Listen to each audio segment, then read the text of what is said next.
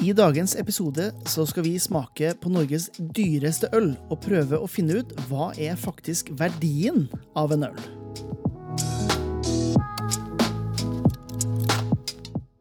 Hei, ølgærninger, og velkommen til Ølprat. Podkasten som serverer ølkunnskap og entusiasme rett i øret ditt. Mitt navn er Jørn og i dag så skal vi smake på Norges dyreste øl samtidig som vi skal prøve å finne ut hva er faktisk verdien av en øl.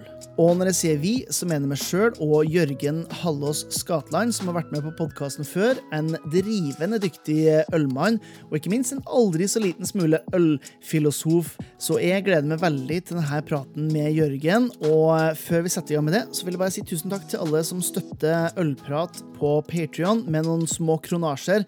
Det hjelper driften av podkasten videre. Men nå er det nok snakk. Det er på tide å fylle kaffekoppen, eventuelt glasset, med noe høyt skummende, og lene det tilbake for denne intellektuelle samtalen om øl med Jørgen om hva verdien i øl er. Da ønsker vi velkommen tilbake til Ølprat. Eh, ølsommelier og godtrønder Jørgen Skatland. Det er i dag. Ja, Hyggelig å, å, treffes igjen. Hyggelig å være tilbake. Ja, Og i dag eh, så skal vi gjøre noe som egentlig starta med en idé om at jeg har lyst til å smake det dyreste ølet i Vinopol, eller i Norge, egentlig. Mm. Og det har jo jeg òg. Ja, Men så tror jeg vi kommer til å utvikle det her til noe som er litt mer eh, filosofisk fornuftig, og ikke som bare går på, på smak og Ikke bare i år. Og ikke bare jåleri. For det er mye jåleri. Ja, det er mye, det er mye, mye jåleri. Det er det. Mm. Um, så jeg har, jeg har, fått tak i det som er det dyreste ølet som jeg kunne oppdrive i, i en eller annen form for butikk. Mm. Man kan sikkert kjøpe en øl på et utested som er dyrere.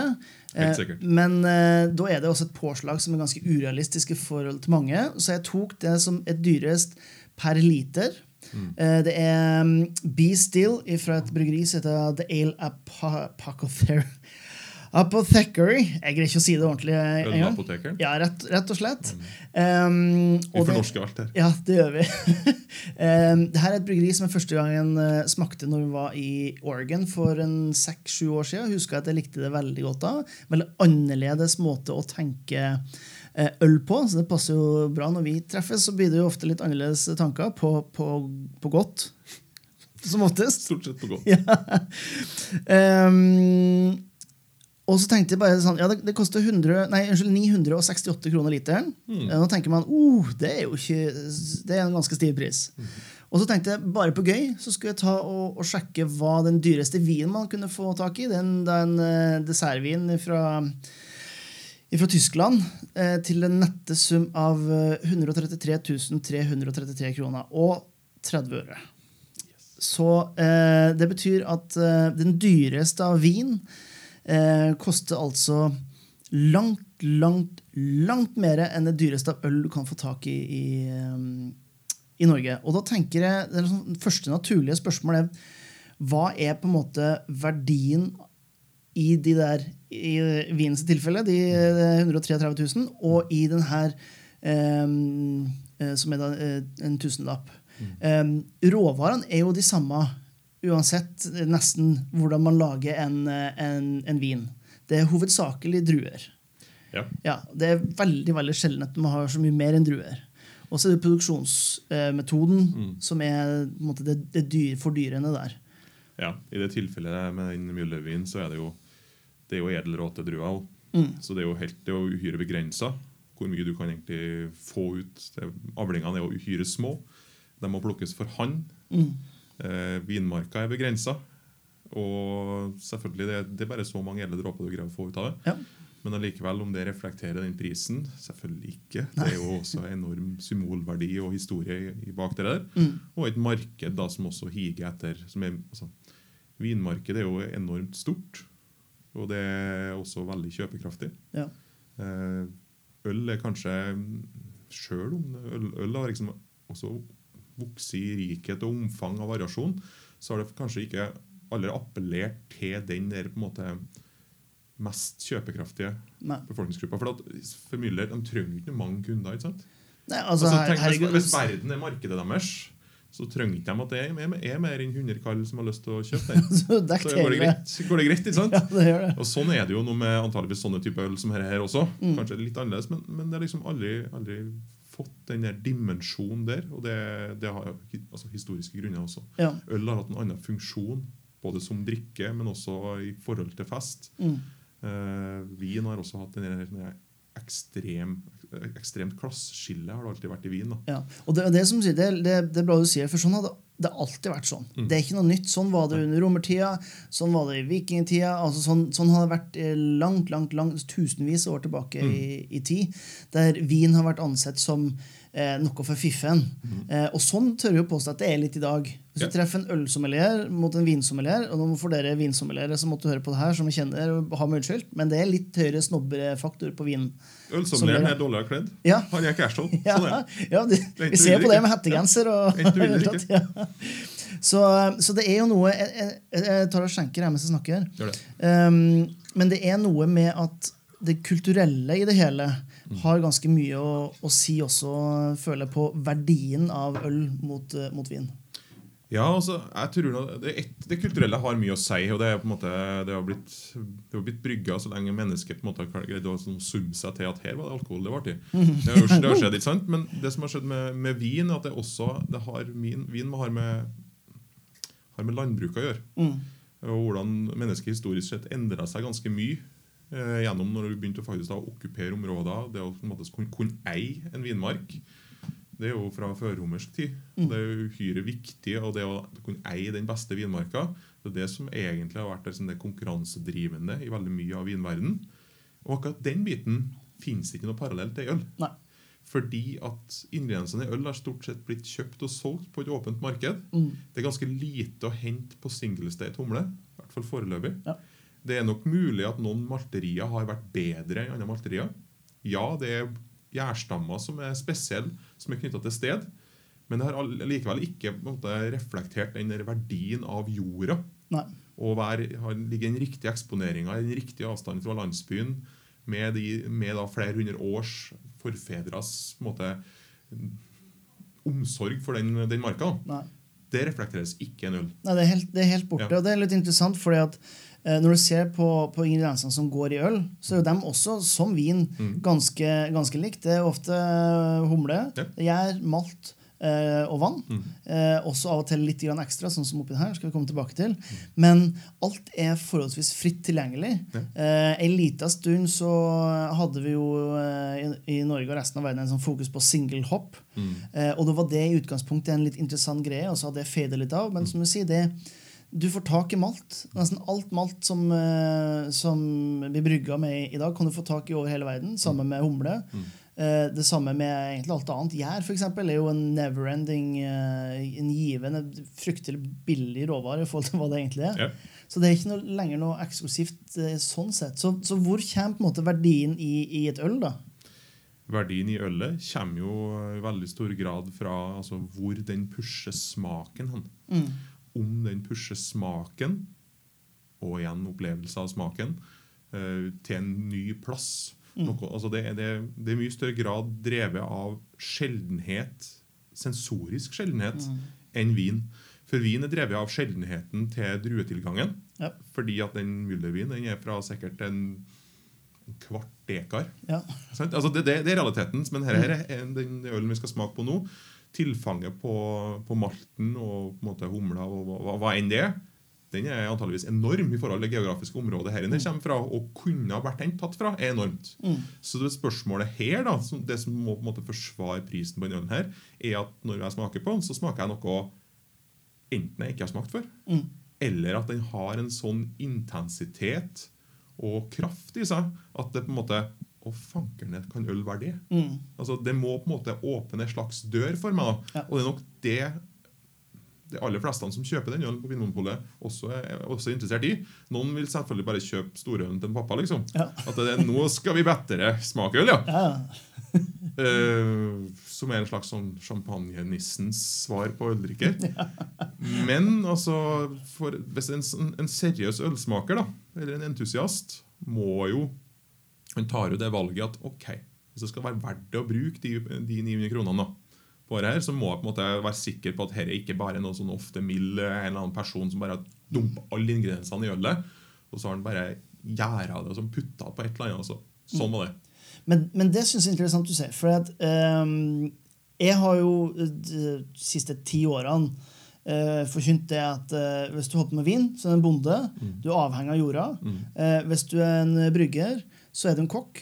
Du er bare avhengig av å ha skills. Mm. Egentlig verdien, da, sånn som du også beskriver nå, er jo i folkene bak. Mm. Ikke så mye i ølet sjøl. Hadde det ikke vært uh, for at vi skulle lage den podkasten og jeg skulle i utgangspunktet være med å smake på den dyreste ølen som du får tak i Norge, Norge, og jeg ikke hadde visst hvilket bryggeri det var Jeg hadde jo ikke kommet til å kjøpe det. Hadde det vært et eller annet som du sier, sånn her, et helt ukjent uh, bryggeri, så hadde jeg tenkt bare yeah, yeah, ja, kanskje ikke. Eh, nå kjenner jeg bryggeriet, og så hadde vi det temaet med at vi skal smake den dyreste ølen. Og da tenkte jeg ja, men, men det her er, det er verdt det. Og, og, og det er jo fordi at folk, jeg stoler på folkene ba- bak, for de har gitt en god opplevelse før. Ja. Så, så kanskje verdien er i folkene, slett. Det er i hvert fall en sånn veldig sterk kompetanse, altså, kompetanseaspekt i det med kostbart øl. da. Mm. Som du vanskelig altså, kommer unna. Eh, På vin så er det også winemaking er jo på en måte, det er også veldig viktig. Eh, Og, en, og bra winemaking kan eh, kompensere for eh, dårlig druemateriale til en viss grad. Det kan kompensere for at det ikke faller inn i et bestemt lovregister i, i EU. eller noe sånt. sånt. Men i øl så er det på en måte til syvende og sist, da, fordi du ikke kan lene deg på ingrediensene eller, eller at det er sertifisert, eller noe som helst sånt, da, eller sjeldenhet, Ja, eller så, fra. ja, så er det rett og slett altså forestillingsevnen, innovasjons, altså innovasjonsviljen, eh, men også til syvende og sist da, hvordan det dovetailer med håndverket. Fordi at Hvem som helst kan blande hva som helst og, og være innovativ. Men det er ikke interessant som ølnasjon uten at det reflekterer da også ting som balanse. Eh, som integrasjon mellom måte, de, forskjellige, de forskjellige ingrediensene. Det at du på en måte fortsatt greier å få alkoholen til å spille en interessant rolle. Til å få humla til å være interessant, annet enn bare være humla. Det at Du skal ikke bare svi av ganen liksom, med alkohol og humle. Det må på en måte gjøre noe annet. ikke sant? Og det er liksom, det, Der er det på en måte Du må kan håndverket ditt. Og, og sånn sett så jeg drar det rett tilbake til kjøkkenet. da. Fordi at eh, vi kan jo få de samme råvarene som eh, Tom Witte Gausdal, men vi kommer antagelig til å ende opp med et helt annet resultat enn det han, enn det han uh, vil gjøre. For han vet hva han skal gjøre med råvarene på en helt annen måte. Og det er jo akkurat det samme man ser på hjemmebryggen, eksempel, der du har nøyaktig den samme tilgangen til akkurat de samme råvarene, men ender ofte opp med noe som ikke er helt sånn som uh, proffene greier å, å, å få til. Ja. Ja, vi kan kanskje smake noe, og så er Ja. det noen flere ting vi må diskutere som også kunne ha vært da, på en måte, ikke kostnadsdrivende, men verdidrivende Ja. i, i øl og vin, men som på en måte vi nå ikke adresserer her. Som vi kanskje kan ta tak i etterpå. Ja. Hvis du begynner, eh, så kan jeg bare si sånn kjapt eh, om, eh, om denne gjengen her. Sånn, det, er, det står en stor klistrelappe eh, 'This beer is still'. Ølet heter Be Still. altså Det er en ukarbonert øl. Eh, gjengen her sånn har, eh, holder til i Bend, Oregon. og Jeg vet de har vært i Norge flere ganger uh, for å lære om rett og slett uh, kalle det norsk uh, øltradisjon og de her eh, eh, skjulte gårdsølene som man har rundt omkring. Første inntrykk, eh, Jørgen? Den er veldig rustikk. Mm Det er den. Eh, du forventer kanskje noe forfina. Kanskje er det prislappen som gjør at du forventer noe forfina. For f.eks. når du drikker vin, Mhm. og du drikker en, en over gjennomsnittlig dyr vin, så er det ofte det at den greier å integrere ting som vanligvis ikke skal gå sammen. Ja. Altså det at den greier fortsatt å være elegant samtidig som den er kraftfull. Mens dette her Her er det noe rustikt. Her er det noe røft som faktisk foregår. Det ligger allerede i nesen. Altså den, er- den har veldig sånn Den har en del sånne frie syrer. Ja, ja, absolutt. Noen ville syrer der som, som gjør noe. Nå er det ikke det ideelle glasset for å smake, Nei, på ingen, men på ingen måte. man tager det man haver mm. eh, her vi sitter. mm, men eh, det er veldig sånn kompleks på nesen. Mm. Um, det er liksom det er det ville i den som, som tar det til deg. Ja. Så det er jo antageligvis både fra tønna og fra, fra gjæringa. Det er jo interessant, for eh, det er jo Cascara eh, tilsatt her sånn. Det er mm, lille laget utafor kaffebønneren. Mm. Det er mm, eh, Coco Nibs. Mm. Jeg vet ikke hva norske kakao Ja. En, kakao, en form, form av kakao. Eh, også- Råkakao. Rå, råkakao, kan du si.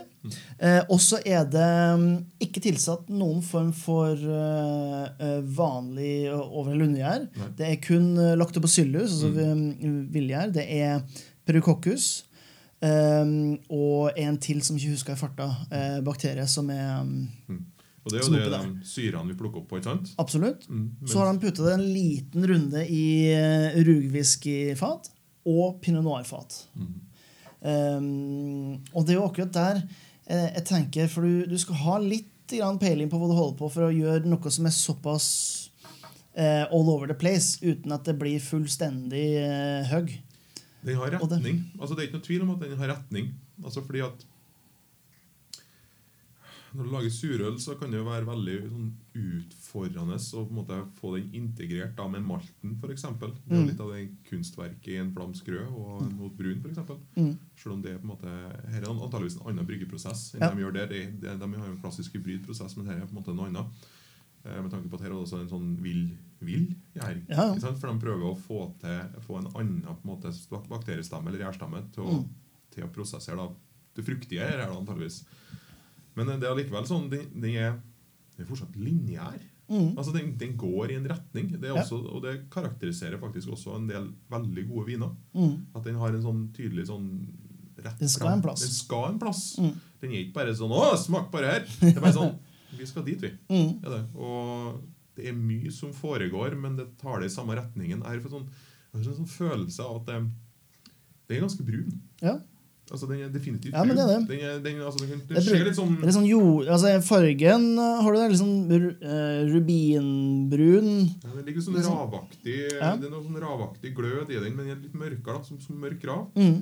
Men den er sånn Den er definitivt brun òg. Mm. Altså, den, den Jeg veit ikke. Det er ikke noe med intensiteten som minner meg om en Imperial Porter eller noe sånt som det. Ja. Det.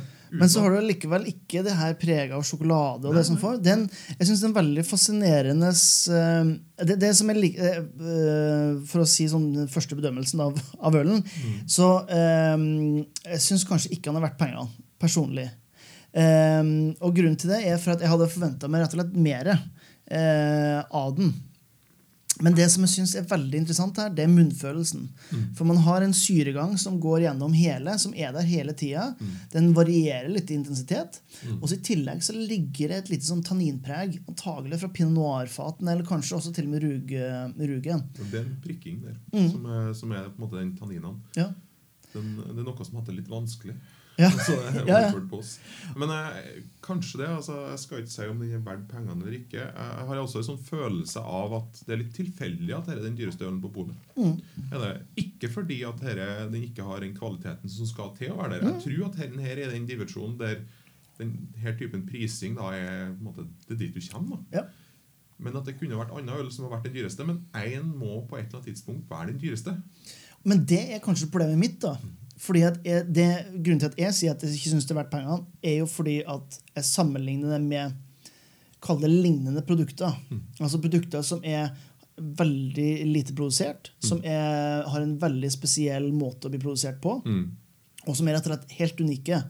Og da mener jeg at det finnes produkter som er billigere i det segmentet. Men det betyr jo ikke egentlig Det betyr jo bare at jeg, har, jeg i mitt hode sier at den ikke er verdt det, basert på mine preferanser om det lignende produkter. Kanskje det er litt problemet, at man hele tiden skal sammenligne med et annet produkt. Vi sammenligner jo det her med den dyreste vin, f.eks. Mm. Vi kan jo bare slå fast for øvrig at å drikke øl er mye billigere enn å drikke vin. Det, det er bare veldig mye billigere. Men jeg tror dette leder hen da, i en retning som gjør at vi må trekke inn den andre, som det, den andre komponenten, som er kostnadsdrivende. Mm. Um, I vin så er ikke den så kostnadsdrivende. Uh, den blir det etter hvert, men i øl så er det litt sånn Det har med lagring å gjøre. Mm. Ikke sant? Um, for den er jo lagra. Ja. Men allikevel, jeg, og jeg, jeg merker at den er lagra, for det er ting som har kommet på plass her. Mm. Men samtidig så er ikke sånn fordi at det er så mange ting som foregår her, så er ikke lagringskarakteren som bærer en øl her. Nei? Ja. Og der er det også en sånn nøkkel til øl. Jeg tror at, jeg tror at vi på det norske markedet kan finne dyrere øl ute. Mm. Og forhåpentligvis er det fordi at noen har lagra en, øl- lagret en øl. Ja. At de har samla vertikaler eller gjort noe sånt. Ikke sant? Mm. Noe som det er faktisk enormt potensial for i øl. Mm. men som kanskje ikke gjøres så ofte. Og Vinmonopolet er ikke den plassen der du de, gjør det. Nei. Altså, Ja, Vinmonopolet selger jo ikke årgangsøl. Nei, ikke, ikke bevisst, i hvert fall. Ikke bevisst. Uh, det, måte, her er jo lagra, men det, her er fortsatt ikke en vintage. Nei. Her er på en måte det jeg oppfatter som en slags sånn en, en uvanlig crew, eller noe sånt som det. Altså, det er en sånn, det er sånn, det er et unntaks, en unntakstilstand. Da. Mm. Det er på en måte det, liksom det sprøeste de har gjort. Men allikevel kanskje ikke det sprøeste. Det er det mest vellykka sprø de har gjort. Ja. tenker jeg, tenker jeg her. Mm. Og Det er liksom sånn en sånn diskusjon en legger seg på. Altså, du kan få helt unike ølopplevelser med en lagra øl. Ja. Der ligger det ting som gjør at investeringer, det er investeringer som ligger for å legge den av, Mm. at den har lagerplass, det ene eller andre, gjør det verdt det. Og Det er en sånn, sånn uavslutta diskusjon i øl, egentlig, Mm. som jeg mener er relevant for denne typen prising. Da, ikke sant? Ja. Det er, det er forbanna dyrt å ha ølen liggende to år på fat. Ja, det, det Det, det. koster, og det vil drive opp prisen. sant? Ja. Og, det, og det er jo lignende mekanismer som i vin. Men da er jo det kanskje den eneste sånn den direkte akseptable kostnadsdriveren for de kaller den gemene ølelskeren, Ja. er at det har vært lagra på fat. Fordi det er i seg sjøl en eller annen form for kvalitetskriterium. At de har lagra det lenge, de har tenkt lenge på det her. Det er ikke noe de bare har laga. Ja, men det er noe der. Altså det, og det er også noe med sjeldenhet å gjøre. Mm. Og det har noe også med, med, med god fatmannskap å gjøre. Altså, Ja. Du må være god med det med fat. Altså, Ja, Det ja. er ikke bare å hive på fat så blir det godt. Det finnes mye dårlig fatlagerøl som du gjør deg egentlig bare sånn Åh, her er en unnskyldning for å lage et half-assed øl, og så putter du på fat, så tror du det blir interessant. Jeg har jo også på en måte, jeg kjenner folk ute der som på en måte drikker fatlagra varianter av f.eks. Chimay, Mm. og syns ikke det er noe spesielt interessant. Nei. Fordi at de er mer interessert i da den rene uttrykket for bryggeriet, Mm. men også kanskje det med lagra uttrykk for den, eh, det rene uttrykket for bryggeriet. Ja. Ikke nødvendigvis at du tilsetter da en, en, en brennevinsaroma Ja. og, et fat, og et fat sånn. Men det er, et, det er et eller annet med denne formen for øl som på en måte Ja, det, det, der, er, der er vi på der, der snuser vi på noe sånn objektivt kostnadsdrivende. Mm. Men allikevel så syns jeg at den her, her da, uten å kritisere prisnivået dens, at den på en måte, det er ikke det den har lagt seg på. Det er ikke det som er kostnadsdrivende. her. Nei. Det er, her har du på en måte du har blanda inn da, flere komponenter. Du har en uvanlig bearmaking, da, Mm. som er egentlig det som gjør at denne er unik. Mm. For jeg tror at du ville ha operert på en litt annen måte hvis du egentlig har måte sagt at her er, her er en vintage her er en vintage uttrykk av en bestemt, bestemt fat, eller det er et vintage uttrykk fra en, fra en av de klassiske lagringsdyktige ølene. Mm. Og de får en sjeldenhet og en attraktivitet som følge av det. Og der, der er det også en sånn kondisørskip i det. Altså det er ikke Lagra øl fra f.eks. Uh, et trappistbryggeri da, er ikke nødvendigvis noe for alle. Mm. Det er avhengig av at du på en måte forstår hva greia er, på samme måte som at for en nybegynner i vin Om det er lov til å si det, alle har jo på en måte vært nybegynner og drukket seg full på sankthansaften eller noe sånt som det. Men altså, for nybegynnere i vin så vil jeg ikke anbefale lagra vin i det hele tatt. Nei, Eh, Så De bør drikke fruktige, ferske viner, Mm. og så forstå at eh, vin er en fruktdrikk. Ja. Det er det første du må lære med vin, syns jeg. For at Det å på en måte ha en assosiasjon til kvalitet med lagring i vin er på en måte nei. Det, Nei. det er ikke nødvendigvis det som er det, det beste uttrykket for hva vin handler om. Det er få viner som er lagringsdyktige. Ja. På samme måte som det er få øler som er lagringsdyktige. Og det er nok et eller annet Du må kjenne referansegrunnlaget du skal sette pris på en, på en, på en, på en lagringsøl, syns jeg. Ja. Her, her er ikke sånn, Du trenger å kjenne til referansegrunnlag. For meg så er det det som skiller her liksom analytisk fra den, den gamen. da. Mm. Er, herre handler fortsatt om overraskelse. Mm. Her handler fortsatt om å pushe the envelope for hva ølbrygging er for noe. Mm. Og hva, hvor mye du kan tilsette, og hvor mye du på en måte må sofistikere den prosessen da, Mm. for å lykkes på det nivået her. Men, men jeg, jeg, nå må jeg innrømme at nå er jeg jo veldig i en sånn her øl- og matmodus. For jeg trekker jo rett tilbake til kjøkkenet, da, Ja. der du har eh, det som anerkjennes som noen av de beste, mest eksperimentelle eh, restaurantene i verden, er jo eh, altså typisk Michelin-stjernerestauranter som gjerne eksperimenterer med tilberedningsmetoder, med eh, komposisjoner, med eh, altså rett og slett måten de presenterer smaker på. Men det betyr ikke nødvendigvis at det er bedre mat enn du ville fått på en skikkelig bra italiensk restaurant, som gjør det helt enkelt, men som vet nøyaktig hva du holder på med. Og det tenker jo også man kjente sånn som her, her Det her er eksperimentell brygging på høyt nivå. Mm. Men det betyr ikke at det er nødvendigvis bedre eller dårligere enn eh, noen som lager en masse fersk, deilig IPA, f.eks. Det, er bare en, det beveger seg i en annen en. Utfordringen kanskje for, for ølen sin del er at man ikke tenker på det i eh, ikke sånn hierarki, men man tenker ikke på det med at det er forskjell på de to. Fordi at tilgangen til råvarer er den samme. Det er ofte det samme eh, type utstyr, det er samme måtene å, å, å gjøre tingene på, eh, tenker man. Men så er egentlig resultatet noe helt annet. Det blir mye mindre visuelt. For det er jo servert i en flaske i et glass, og så skal man smake det. Jeg får liksom lyst til å Hva en øl betyr for noe. Eh, altså det, hvis du dekomponerer det, så er det på en måte denne ølen her for meg nå, sånn som den utvikler seg i glasset den har noen, Nå har den faktisk noen veldig overraskende aromaer for meg. Mm. Jeg får en sånn appelsinjuice-assosiasjon i det der. Som ikke, det er jo en gul smak. Ja. Det er den preeminente gule smaken. og det, den har ingenting det var ingenting av den i starten da jeg smakte. Men nå får jeg en sånn sånn sitrus, en ganske sånn konsentrert sitrusaroma fra Mm. her. Og det er antageligvis et eller annet med dem, dem, eh, de bakteriene Mm. som, måte, som møter et eller annet. Og den tenker jeg. Og kanskje, kanskje det også vinfatene. Mm. Men der tenker jeg at oi, den er interessant. Mm. Og så, og så er det sånn Jeg dekomponerer det. Det er den smaken. Den syns jeg var interessant. Mm. Og da måtte du antageligvis gjøre alt dette her for å få til den. Ja. Fordi at igjen, når vi litt om det før vi starta, veien til målet, eller til en innovasjon, er ikke- er alltid sånn første steget er likt det siste steget. Nei. Så hva om det å eksperimentere med sånne ting, og push the envelope på bearmaking, og det å faktisk da få ut produkt der som du får tilbakemelding på, Mm. det er, sånn, det er en veldig viktig på en måte, prosessuell ting Ja. i, i craft. Mm. Og til og med også i det, antageligvis, i det som er mer sånn farmhouse ale, og det som er på en måte i den retningen, Mm. med tanke på det har også blitt gjort i Belgia veldig lenge. Altså det, Ja. det, er lange lange prosesser som etter hvert blander seg med matkultur. Men så ser på en fra sånn, fra sånn gastronomisk perspektiv, så syns jeg spillet det, det var den appelsinsmaken. Mm. Den, den har noe å gjøre i mat. Jeg synes det er interessant, og vi kunne ha strippa ned den, men det var ikke dit de nødvendigvis ville. Nei, nei. Det er jo bare en del av kompleksiteten nå. Mm. Men jeg tror at veldig mye altså Hvis det skal være sånn veldig sånn value for money på den her, så er det veldig mye i den ølen der som jeg ser som sånn litt sånn unødvendig og uinteressant for meg nå. Mm. Altså For meg, Det betyr ikke at det ikke er interessant for noen som ikke har smakt den. Mens den appelsinaromaen den har ikke jeg fått tak i før. Nei. Altså Hvis jeg sammenligner den direkte med, altså, med da, om det er Russian River eller om det er Rodenbach, eller noen som gjør ting i lignende retning, men av Mm. helt, helt andre grunner med helt andre teknikker Mm. Så på en måte, her var det et eller annet jeg ikke har kjent før. Ja. Men det var den. Det var ikke den sammensetninga av kakao og på en måte whisky og rug. Og det, det var, det var ikke kompleksiteten i den.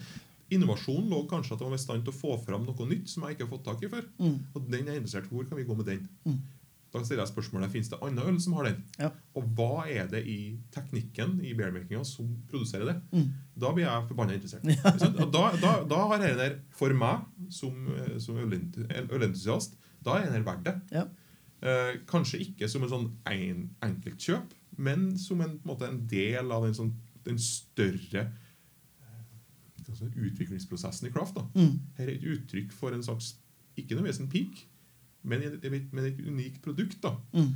Og så er det sånn igjen, da må de som jobber med denne typen ting, da, som, hvis de er interessert i det jeg mener, og interessert i å for eksempel, si, ok, nå har vi laget den, det er ikke noe vits å lage den igjen. Nei. Skal vi da lage noe mer ekstremt, Mm. som er tendensen i visse deler av kraftmarkedet? Mm. Eller skal vi si at oi, her var det interessant, skal vi ta med oss det interessante, og skal vi fortsette å jobbe med det? Mm. Da er dette på en måte for meg et vellykka eksperiment. da. Ja, altså jeg, jeg, jeg begynner jo nå etter hvert å, å lene meg over på at eh, den har vært verdt prisen i bare den enkle delen at vi diskuterer det såpass mm. intenst som vi gjør. Det, det, det er en conversation starter, rett og slett.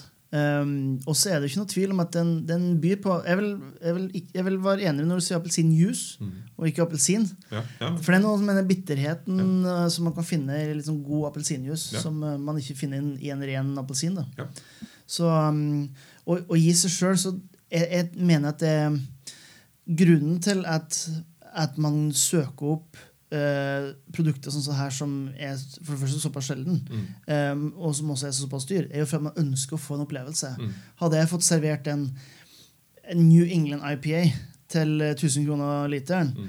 eh, og så fått en New England IPA, jeg hadde jo, da hadde jeg følt meg snytt. Mm. Men her har jeg betalt eh, en god slump penger for noe som har eh, gjort noe med smaksløkene, annet enn å bare være noe lignende som en annen. Ja. Og jeg tror også noen av- den verdien som man finner i, eh, finner i øl, er jo det at man har, en liten, eh, man har en liten menighet. Man har en following som er villig til å betale det. Eh, og den er ofte i, i mange sånne tilfeller sånn her, mye mindre enn man ville ha for eksempel på den vinen som vi snakka om eh, litt tidligere. Jeg tror kanskje den vinen for den, den krever også en following, men igjen ikke. Mm. Fordi den vinen er et investeringsobjekt. Det er ikke den ølen her. Mm. Det er så definitivt ikke noe investeringsobjekt. Men jeg syns det er måte interessant å bemerke at den ølen krever sitt publikum. Mm. Uh, jeg syns ikke den er på en måte antiklimatisk å smake den nå. Altså, som, Mm. som om Hvis det hadde vært en New England IPA, og så den bare smakte det, så- Det har vært et antiklimaks. Ja. For da har du bygd opp en forventning. Hvis jeg hadde tatt med den hjem til familien min Mm. og servert den til desserten, Mm. eller noe sånt som jeg vanligvis kunne ha funnet på å gjort, da, Mm. så vet jeg at det ville vært et antiklimaks for meg. Ja. For at det er sånn Ja, den var god, da. Ja. Eller, eller det har vært en sånn Ja, det var det, var, det var litt, litt, litt sært, da. Ja, det har ikke jeg smakt før. Eller kanskje sånn mm, den var god. Altså, her er Ølen her er en conversation starter. Mm. Den er til. Den eksisterer for at folk som eh, har lyst til å nerde ut, kan nerde ut. Den er til for at du skal stille spørsmålet sånn Er den verdt det? Mm. Mm. Og så er den til for at jeg skal si at ja, men den er verdt det. Ja. Den er verdt det på denne måten her, men ikke som ikke som et uttrykk for ekstrem kompleksitet eller eksklusivitet. Nei. Den er verdt det, er verdt det som, en, slags sånn, som en del av et større eksperiment. Mm. Altså, her er ølen her er laga for, for samtale. Mm. Mens den dyreste vinen i verden La oss ikke la oss den dyreste, Mm. fordi at den er et spesialprodukt. Den, ja. den blir så jævla søt. Mm. La oss si den dyreste på en måte pinoten i verden. da. Ja, du kan ta den dyreste rødvin. Den er, Ja. den er fortsatt på eh, 78 000 kroner. Ja, Du tar den dyreste rødvinen og så serverer den på hjem til mamma og pappa. Mm. Serverer den til elgsteken og sånn. sånt. Og så på en måte vil du kanskje få den samme reaksjonen som ølen her. Ja. Men hvis du tar den, den vinen og så serverer den til folk som kjenner det, så vil det, vil det bli en ærefrykt. Mm. Da vil, det, da vil jeg, veldig fort handle, handle om å ha riktig reaksjon til den. Ja. Til å faktisk respondere på den måten, for det er så uhyre vanskelig å få tak i den. Ja. Altså, du må ha ligget på lur og, i mange år, og så måtte du kverka noen. Og så, ikke sant? Og så, mm, der er det blir det ærefrykten som styrer det. Fordi, eh, mens her så er det sånn Vi gikk ikke mot en ærefrykt, vi. Nei, nei, Vi hadde mer lyst til å butche den. liksom. Ja, ja. Liksom, liksom lyst til å kverke den. Og det finnes jo selvfølgelig i vin også. Noen som, Ja. som, noen som får en latasje, og så er det sånn ah, Kjedelig. Mm. Smakt saft. Mm. Det er jo kanskje ikke den beste personen å servere den, den vinen til, for det er bortkasta. Men her, her er sånn her er på en måte, Den ølen er også en provokasjon. Mm. men mm, på en positiv måte. Den provoserer fram en samtale. ikke sant? Mm.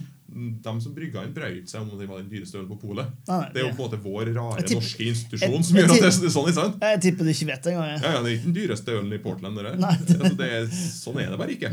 Men eh, altså, den, sånn som den blir presentert i Norge, og sånn som vi diskuterer den nå, så har den en verdi som på en måte, samtaletema. Mm. Som på en måte en vanlig trappistøl eller en surøl fra norsk surøl Mm. kanskje ikke ville ha framprovosert. da. Mm. Her, er her må vi ta en stillingstagen, og så må vi utfordre oss sjøl som fagpersoner på både gi mening til den, men også klare å smake den for det den egentlig er. Og den er unik. Ja. Den er helt unik. ikke sant? Den er, den er så unik at den nærmer seg et landbruksprodukt. Ja. Komisk nok. Ja. Hvis du skal gå hele Ja, ja. liksom, sirkelen tilbake. Er det, og det tror jeg da er bearmakinga. Mm. Nettopp det. Men da, er, da vil jeg faktisk eh, skal begynne å runde av litt. Men jeg tenker at um, oppsummert så var ølen var verdt det. Og det som er verdien i, eh, i øl, er, er ikke så mye øl i seg sjøl, men det som skjer rundt det. Og Det går egentlig på både de folkene som vi, snakker om, de folkene som står bak, Mm. men òg hvilke følelser det kan få fram i, i Ja. folk. Og det er derfor jeg tenker også at eh, når du er på, um, på pub, og det er fotballkamp, så er det alltid en øl i hånda uansett om eh, laget taper eller vinner, Mm. for å eh, være en slags support til de følelsene. Mm. Um, så er det nesten som at uh, der vin selvfølgelig har en, en høyere sånn kulturell uh, standing, så kan du ikke bruke den til følelser på samme måte som du kan med, med øl, egentlig. Nei. Jeg tror at uh, altså, den, den, jeg, har, har, noen modifikasjoner på, på en måte evalueringa di. Mm. Og det er at uh, den er på en måte verdt det, men ikke for hvem som helst. Nei. Altså det, er en sånn, det, er at, det er ikke for at Øl er ikke et intellektuelt tema. og Det er det du oppsummerer også. Mm. Øl er også en sånn emosjonell greie. sant? Det, sånn, det skal være noe på gulvet med det. Mm. Den her på en måte gjør ikke det. Nei. Så den bør ikke introduseres på gulvet. Nei. og Det er ikke fordi at folk ikke vil ha glede av, men, men det er liksom ikke noe særlig vits. da. Nei. Eh, det er en fare for når du plukker øl på kriteriet at det blir pretensiøst. For det er en pretensiøs øl. Ja. Uh, og Det er også noe som er en sånn fare med den ølen her når den legger seg i en prissjikt der. At den på en måte den, den utsetter seg selv for en kritikk, og den blir pompøs. og det der. Men jeg mener at den er verdt det på grunn av, altså, av for fagfolk eller, eller ølnerder. Mm. Så er dette sånn, en veldig viktig måte, bit i et større puslespill. Mm. Og en sånn diskusjon rundt hva det øl egentlig er og gjør, og hvor den kan gå hen. Mm. Men den har veldig lite å gjøre på 40-årslag.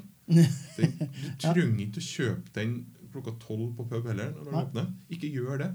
Eh, hvis du skal nå ta, ta bryet og smake den her, så må du være sikker på at dem du drikker den sammen med, er interessert i øl. Ja. Det, det er det som gjør den verdt det. Og da gjør dere noe unikt sammen, og da vet dere at dere har smakt noe helt spesielt. Og da får du fram liksom verdien i denne typen håndverk. da. Ja. Og da spiller det egentlig ikke så veldig stor rolle hva den koster. Nei, da, da spiller det ikke noen rolle, for at den, blir alle like dyr som, en, eh, som på en måte en, den dyreste vinen. Ja. Den, den er fortsatt på en måte hvis du skulle Det er fortsatt det samme som å gå ut og kjøpe en runde på byen. Liksom. Ja. Altså, Den er i størrelsesorden der. Ja. Det, og det er ikke så problematisk hvis du tar den hjemme. Altså, Men du har sørget for at det var en gjeng ølnerder, og så har du stearinlys rundt deg. Og så har du på en måte litt koselig stemning. da. ja, du må sette stemninga. Du må viktig, sette stemninga, så er det verdt det, og vel så det. Ja. Eh, Da er det egentlig ikke en sånn vanvittig investering. Uh, isolert sett så er det en toskete pris, men jeg tror faktisk det koster såpass. altså. Ja. Uh, å lage en sånn øl. Jeg tror ikke den er egentlig spesielt dyr, gitt innsatsen som ligger i den. Nei, nei, Sånn i forhold til hva du egentlig kan få, da Tenk deg for en, hva en kinobillett koster. Mm. Du drikker ikke denne flaska alene. Gjør du det, så er det på en måte da Glem det. Det er ikke Ja. interessant. Eh, Du drikker, du drikker et par-tre glass av det. Eller du kan drikke ett glass og dele med sju-åtte stykker. eller noe sånt som. Mm. Og så sammenligner det med en kinobillett. Og den kinobilletten er på en måte Det er så mange som gjør akkurat det samme for den akkurat samme opplevelsen. Ja. Ok, det er egentlig ikke dyrt, altså. Nei. Hvis det sånn da igjen. Ja. Mens, eh, øl eh, mens vin da kan fortsatt nå da, sånne astronomiske idiotiske summer som gjør at du kan ikke sammenligne en kinobillett. For det har transnert flere ganger. Og så Ja. er det liksom Og, i- og i noen tilfeller når det blir såpass høye, høye priser, så det kan godt hende at det ble bedre kjøp med en kinobillett, for å være helt ærlig. Helt ærlig. Ja. Mm. Jørgen, Ja. tusen takk for en uh, interessant uh, diskusjon. Ja, i like måte. Jeg syns det er, et, eh, det er et, et tema som er vel verdt å, å ta opp og diskutere i tusen hjem på de som millioner av lyttere som vi har på Ølprat. Rett og slett fordi at eh, man må vite å, sette pris på, på godt håndverk. Mm. Og det er vi dessverre litt for dårlige til i Norge, synes jeg. Når det kommer både til mat og til drikke, egentlig. Ja, nei, det, det er sånn det er, lett å, det er lett å snobbe seg bort i, Mm. i, i både øl og vin og i, og i mat.